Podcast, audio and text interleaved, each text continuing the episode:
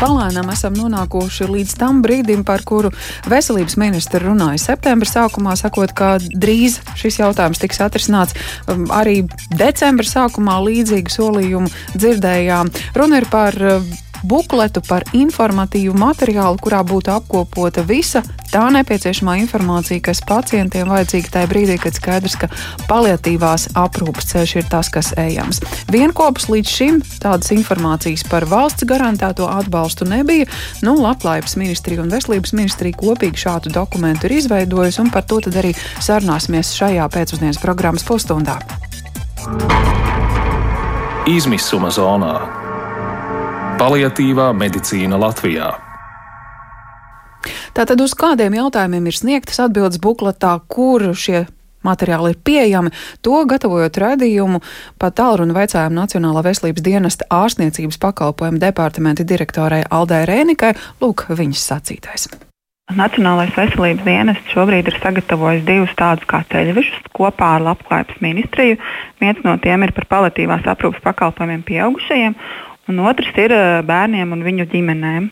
Šie bukleti ir pieejami gan elektroniskā veidā, gan eh, kā, drukātā veidā. Drukātā veidā tos var saņemt Nacionālā veselības dienesta Rīgas nodaļā jau šobrīd, un no 16. janvāra tas būs pieejams arī citās teritoriālās nodaļās. Elektroniskā formā to var eh, atrast mūsu NVD mājaslapā, sadaļā veselības aprūpas pakalpojumi, tā kā apakšsadaļā paliatīvā aprūpe.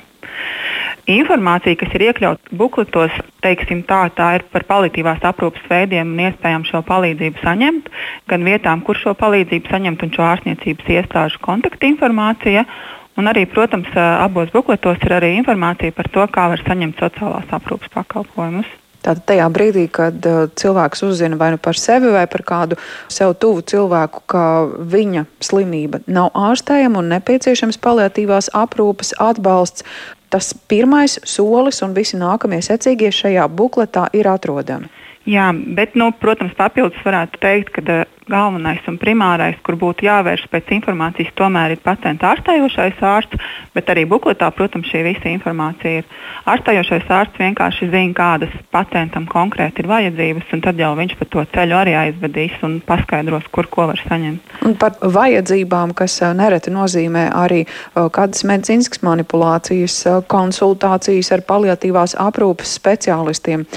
Cik ātri šo palīdzību, šīs konsultācijas pacienti var saņemt? Kāda ir tā reālā iespēja, cik ātri šo palīdzību var saņemt? Droši vien, ka tad vispirms ir jāsadala tie palīdzības veidi. Es domāju, ka par ambulatorā palīdzību nevajadzētu būt problēmām. Tā ir pieejama, teiksim, tad, kad tā ir nepieciešama, jo arī ambulatori visu šo palīdzību organizē to saņemšanu tieši ģimenes ārsts. Par stacionāro palīdzību, jā, tur varbūt ir atšķirīgi. Attiecībā uz pieaugušajiem šobrīd mums ir lielajā slimnīcā, Rīgas Kliniskā universitātes slimnīca. Ja šāda palīdzība ir vajadzīga stacionārā, tad uh, to tik ātri nevarēs saņemt. Citās uh, slimnīcās, kur arī sniedz paliatīvās aprūpas pakalpojumus, rindu nav šobrīd. Informācija par rindām, kur ko var saņemt un cik ilgā laikā ir pieejama Nacionālā veselības dienesta mājaslapā. Tā ir sadaļa rindas pie ārsta LV.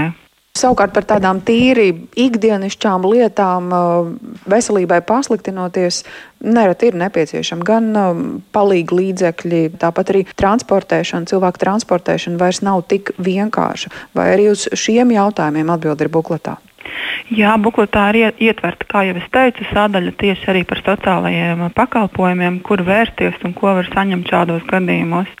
Nu, kopumā raugoties šobrīd uz uh, izstrādātajiem bukletiem, tas ir gala variants, vai tas ir dokuments, kurā pakāpeniski varētu vēl papildināt un likt klāt kādu informāciju? Nu, te man uzreiz gribētos teikt, ka buklets jau ir tikai tāds kā ceļvedis, kur kādu palīdzību saņemt. Es domāju, ka pēc būtības būtu jārunā, kā vispār uzlabot palietīvo aprūpi, kā papildināt ar kaut kādiem jauniem elementiem, jauniem pakalpojumiem, kaut kādiem palīdzības veidiem. Un tad, attiecīgi, protams, ja tie tiek ieviesti un apmaksāti nu, no valsts eh, līdzekļiem, tad arī mēs papildinām bukletus un sniedzam to informāciju cilvēkiem. Nu, tātad šobrīd bukleti ir atrodami gan elektroniski, gan arī jau papīra formātā pie ģimenes ārstiem, klinikās, kur nu, mēs bukleti. sākam šobrīd izplatīt. Visiem līguma partneriem ir nosūtīta informācija, ka šādi bukleti ir pieejami. Tad, sākot no šī brīža, mēs pieļaujam, ka tuvākajā laikā arī visās ārstniecības iestādēs šie bukleti būs atrodami. No manas puses droši vien es gribētu vērst uzmanību uz to, ka paliatīvā aprūpe tas ir tā tāda papildus iespēja šiem pacientiem, kas ir smagi slimi. Protams, ka šiem pacientiem pienākās arī visi pārējie pakalpojumi, kas pienākās arī citiem pacientiem, kas varbūt nav kā paliatīvās aprūpes pacienti definējami. Tālda Rēnika, Nacionālā veselības dienesta ārstniecības pakalpojumu departamenta direktori. Ziedot LV vadītāju Rūtu Dimantu arī esam sazvanījuši pēcpusdienas programmā. Sveicināt, Rūta! Labvakar! Atceroties, dod pieci labdarības maratonu un cilvēku lielo atsaucību saziedojot teju pusi miljonu eiro lai palīdzētu tiem, kam ir nepieciešama paliatīvā aprūpe. Kā šobrīd rit palīdzība tiem cilvēkiem, kuriem tā ir nepieciešama, cik daudziem tā jau ir sniegta? Jā, kopā jau kopš uh, 5 izskanēja pirmo reizi. Līdz šim brīdim kopā saņemts 46 palīdzības lūgumi. Un var teikt, ka lielākā daļa, vai 27 gadījumi, ir tad, kad ir nepieciešama šī enterālā pārtika. Tātad pati svarīgākā lieta, kas nu, cilvēkam ir barība un um, un ūdens. Un, otra tāda uh, lielākā vajadzība ir tieši uh, aprūpes uh, palīdzība vai mājās vai iestādē, un tad pēc tam seko higiēnas uh, preces. Un, teiksim, ja mēs uh, decembrī jau 18 cilvēki saņēma šo palīdzību, Mēs iegādājām 480 litrus šķidro pārtiku un, un, un izlietojām jau pirmos uh, nepilnus 5000 eiro. Nu, tad janvāra pirmās dienas jau, jau septiņi cilvēki ir saņēmuši šo pārtiku, higiēnas preces un aprūpas pakalpojumus. Tas, kas, ko es nu, ar kolēģiem apspriedām, novērojām, ka cilvēki ir ārkārtīgi pārsteigti, ka viņiem tiek piedāvāta šāda palīdzība. Viņi ir pieraduši, ka nu, katram ir pašam jācīnās, un, un tā ir tā labā sajūta viņiem, ka viņi nav vieni, ka sabiedrība ir gatava palīdzēt. Mhm. Nu, protams, mēs arī acīm redzot izplatīsim šos bukletus, jo tas, ko mēs pieredzam, ka cilvēki nezina par šo informāciju. Vienīgi, ko es gribētu vērst uzmanību, arī ja mēs uh, iepazināmies ar šo bukletu, nu, Protams, cilvēks, kas nav nereiz saskāries ar palietīvu aprūpi, viņiem nonāk šāds te, e, tuvinieks, un viņš izlasa, ka veselības aprūpe mājās ietver ādas bojājumu aprūpu un enterālu barošanu ar zondi. Tad, ko mēs kā vienkārši cilvēks izdomājam, nu, saprotam, ka nāks un nodrošinās šo barošanu caur zondi, e, teiksim, kāds no veselības aprūpas speciālistiem. Bet, nu, tā tas nav. Ir nodrošināta šī zondes ielikšana un varbūt iztīrīšana pēc šiem pakalpojumiem, bet nu, pārtika joprojām nav. Tāpat arī ādas bojām aprūpas līdzekļi ir pietiekami dārgi. Mm -hmm. Un visas tās higiēnas preces. Tā kā ir labi, ka ir tāds ceļvedis, bet ir svarīgi, ka šim ceļvedim otrā pusē ir resursi. Jo nevienmēr tas, kas ir rakstīts uh, ministru kabineta noteikumos, nevienmēr dzīvē realitātē ir. Mm -hmm. nu, līdz ar to tā vēl viena iespēja lūgt ziedot LV palīdzību. Cik ātri var šiem cilvēkiem sagādāt nepieciešamo dienas, nedēļas, dažu stundu jautājums?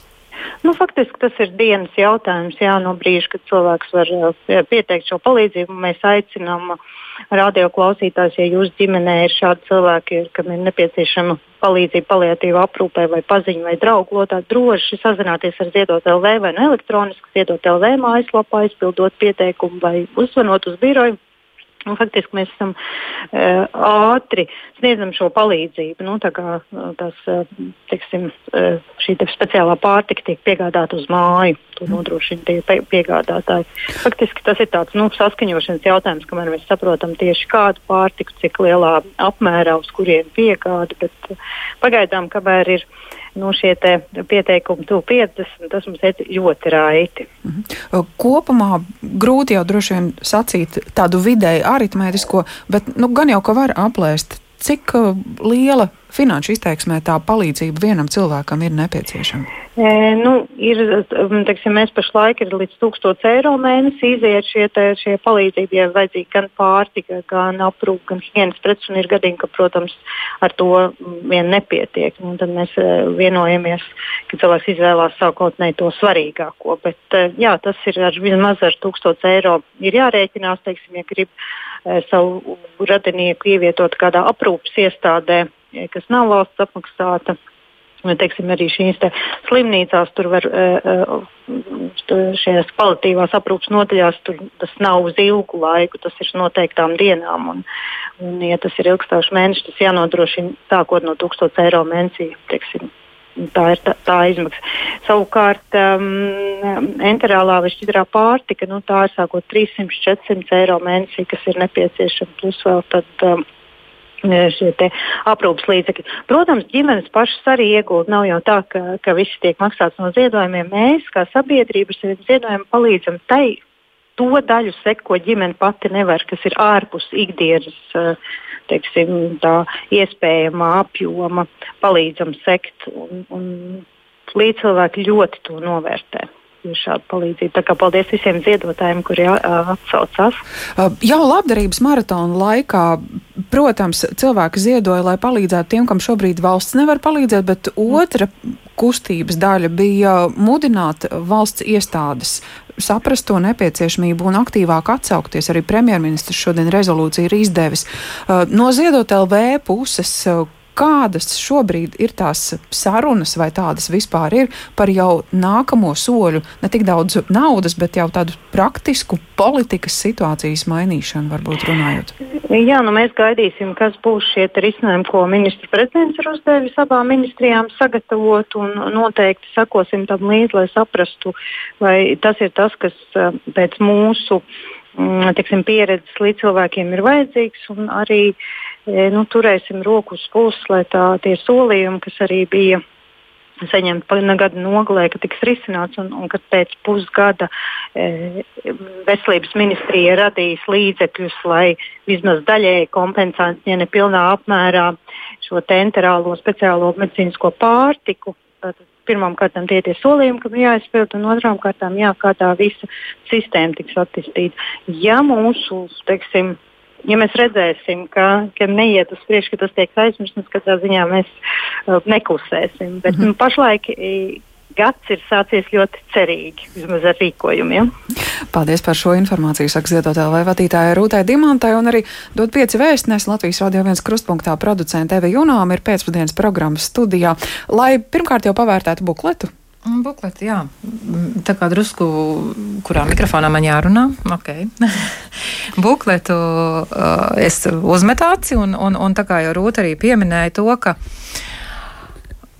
skaisti jau uz papīra daudz lietas izskatās. Realtāte ir bieži vien gluži pretēji. Tas, ka, bet tas arī ir ļoti liels solis, milzīgs solis kaut vai informācija tajā, jo tu pēkšņi, jo parasti notiek tā, pēkšņi tu nesagatavots nonākt šādā izmisuma zonā, tad lai tev vismaz būtu kaut neliela, bet iespēja uzmest acis un saprast, ko darīt tīri praktiski, lai tu palīdzētu vai nu pats sev vai cilvēkam blakus tikt šai izmisuma zonai cauri ar vismazākām, mazāko kaitējumu un arī, nu, nesāpīgāk šim konkrētam cilvēkam, kuram ir tā ne, nedziedināma slim, slimība. Un, kā jau Rūta pieminēja, ir ļoti skaisti. Tātad uh, arī šī mm, solis vismaz patīkams, uh, patīkami redzēt, ka mūsu kopējā vēstule, ko mēs arī dod piecu laikā adresējām valsts amatpersonām, proti gan valsts prezidentam, gan ministru prezidentam, gan saimnes priekšsēdētājai, gan arī veselības ministrei, labklājības ministrei un arī saimnes sociālo un darba lietu komisijas priekšsēdētājiem ar aicinājumu un konkrētu plānu, ko vajadzētu darīt nu, ka kaut kas tomēr sāk kustēties. Tas ir tāds zināms gandarījums un, un secinājums, ka nu, nebūs jau vairs atpakaļ ceļa nav, ir tikai uz, uz to labāko pusi. Bet, nu, protams, ja šobrīd ir tāda nosacīta informācija, iespēja iegūt uh, šajā veselības ministrijas mājaslapā, tad, tad protams, ka nākamā soļa ir tas, ka ir jārisina tas, ka ir nepietiekams gultas vietu skaits stacionāros. Arī ir jārisina šo uh, medicīnas personālu jautājums, jo tāpēc, ka kaut vai tajā pašā bukletā uzmetot acis, ja, cik ar kādiem nu, resursiem mēs varam rēķināties. Nu, Viens līdz divi konsultanti palietīvās aprūpas konsultācijas. Nu, tas ir tieši žēl ļoti, ļoti maz skaits, it sevišķi ņemot vērā, cik tad mums daudz pacientiem šādu palīdzību vajadzētu. Tāpat arī ir jārada iespēja jaunajiem mediķiem, interese un arī motivācija mācīties tieši ša, par šo jomu. Un tāpat arī ir um, joprojām nav izstrādāts uh, tāds finansiāls, ne arī psiholoģisks atbalsts atbalsta mehānisms gan pacientiem, gan arī viņu tuviniekiem. Plus arī, par ko varētu ļoti steidzam ķerties klāt atbalsta mehānismu labklājības ministrija izstrādāt, ko, ko darīt brīžos, kad pēkšņi tu nonāc situācijā, kad ir jāprūpē tuvinieks un tev ir jāiet uz darbu. Un tad ir tās divas iespējas. Vai nu, vai nu meklēt kādu palīdzību no malas, tuvinieku mēģināt iekārtot kādā stacionārā, vai pašiem, kas, protams, priekš šī slimnieka ir pat vislabākais risinājums, aprūpēt šo tuvinieku, bet tad tu pazaudē darbu. Nu, kā, nu, tur arī šo jautājumu, kā mm, slimības lapas vai, vai, vai, vai kaut ko mm, pabalstus kādus vai kaut ko tam līdzīgu, arī šo var izsināt, un to arī vajadzētu risināt. Tā kā, protams, kā jau es solīju, arī dot pieci akcijas laikā, mēs joprojām turpināsim sekot visam tam, ko mums sola un ko arī pilda. Vai tā notiek, vai tā nē. Arī mediķi turpinās sekot, jo tāpēc, viņi ļoti, ļoti ieinteresēti tajā visā. Bet, ja nu gadījumā jūs esat šobrīd šajā izmisuma zonā, es arī aicinātu vēlreiz nekautrēties un tiešām domājot par šo pacientu, smagi slimo cilvēku, nu, piezvaniet vai piesakieties elektroniski ziedot LV, lai jums ir šī palīdzība un jūs tiešām roku liekot uz sirds varat teikt, ka jūs esat izdarījuši visu, lai šim cilvēkam atvieglotu šīs smagās dienas. Bet mēs raidījums krustpunktā un ne tikai, arī citi Latvijas rādio raidījumi turpināsim informēt, ko esam noskaidrojuši, ko esam uzzinājuši un arī par jaunumiem. Paldies Evijai un Amai, dot pieci vēstnes un Latvijas radio viens krustpunktā producenta pēcpusdienas programmas studijā. Runājām par paliatīvo aprūpi, gan ielūkojoties uh, divos jaunos bukletos, kas pagaidām elektroniski, bet pavisam drīz arī papīra formātā būs pieejami, un zinot arī, ka ministru prezidents Krišjāns Kariņš rezolūcijā veselības ministrei un labklājības ministrei ir uzdevis meklēt risinājumus, lai paliatīvā aprūpe būtu pieejama un nodrošināta tiem cilvēkiem, kuri aktīvi strādājuši, maksājuši nodokļus un galu galā grūtā brīdī, lai tie nepaliek bez palīdzības.